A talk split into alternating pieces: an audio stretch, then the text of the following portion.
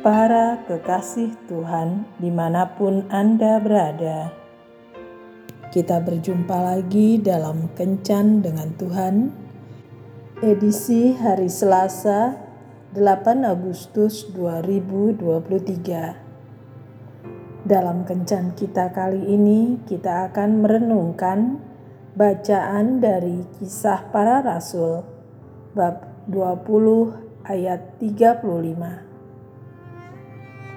adalah lebih berbahagia memberi daripada menerima. Bapak, ibu, dan saudara-saudara yang dikasihi Tuhan, di Palestina ada Danau Galilea dan Laut Mati. Danau Galilea adalah danau yang luas dengan air yang bersih. Orang-orang suka berenang di sana, dan banyak ditemukan berbagai jenis ikan banyak orang membangun rumah makan di sekitarnya, khususnya menjual ikan goreng Petrus. Laut yang lain adalah Laut Mati. Nama ini sungguh cocok karena tiada kehidupan di dalamnya dan airnya sangat asin. Tak ada ikan atau tumbuhan yang tinggal atau hidup di sekitarnya. Hal yang menarik tentang dua laut ini adalah air Sungai Yordan mengalir masuk ke Danau Galilea, lalu mengalir ke tempat lain. Air Sungai Jordan juga mengalir masuk ke Laut Mati, tetapi tidak dialirkan keluar lagi. Yang satu menerima dan memberi, yang lainnya menerima dan menyimpan.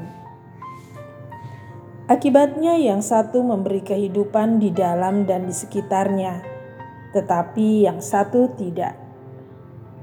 Hari ini, Rasul Paulus mengingatkan kita untuk lebih baik memberi daripada menerima. Dengan memberi, berarti kita memberkati orang lain. Maka Tuhan pun senantiasa memberkati kita dengan berkat yang selalu mengalir dalam kehidupan kita sehingga bank rejeki kita seakan tak pernah berhenti diisi oleh Tuhan. Kalau kita hanya menerima saja tanpa pernah memberi, maka ketika bank rejeki kita penuh, Tuhan tidak pernah mengisinya lagi. Hanya segitulah berkat yang kita terima. Selama kita suka memberi, walaupun keadaan ekonomi kita pas-pasan, kita adalah orang kaya. Tetapi walaupun kekayaan kita berlimpah dan kita tidak pernah mau memberi alias pelit, maka kita tetap hidup dalam kemiskinan. Sebagian rezeki yang Tuhan berikan kepada kita adalah milik orang-orang yang tidak mampu. Tuhan memakai kita untuk menjadi saluran berkat bagi mereka ilmu dan kepandaian yang Tuhan berikan pada kita juga harus disalurkan kepada orang lain, agar bank kepandaian kita dapat diisi Tuhan dengan lebih banyak pengetahuan lagi. Janganlah takut miskin karena memberi. Yesus menjadi mulia dan ditinggikan sebagai Anak Allah justru karena Dia telah memberikan dirinya seutuhnya untuk kita dengan mati di kayu salib. Marilah kita menebar berkat bagi banyak orang, sehingga kehidupan kita dapat semakin berarti.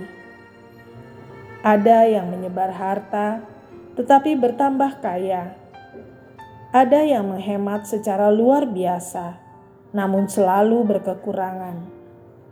Siapa yang memberi berkat, diberi kelimpahan Siapa yang memberi minum, ia sendiri akan diberi minum. Amsal 11 ayat 24 sampai dengan 25. Tuhan Yesus memberkati. Marilah kita berdoa. Tuhan Yesus, di tengah dunia yang sudah begitu banyak kehilangan kasih dan pengharapan, Mampukanlah aku untuk menyelamatkan jiwa-jiwa yang terhilang dari kasih-Mu dengan apa yang ada padaku. Semoga kehadiranku sepanjang hari ini dapat menambah indahnya dunia ini dengan kasih yang berasal darimu. Amin.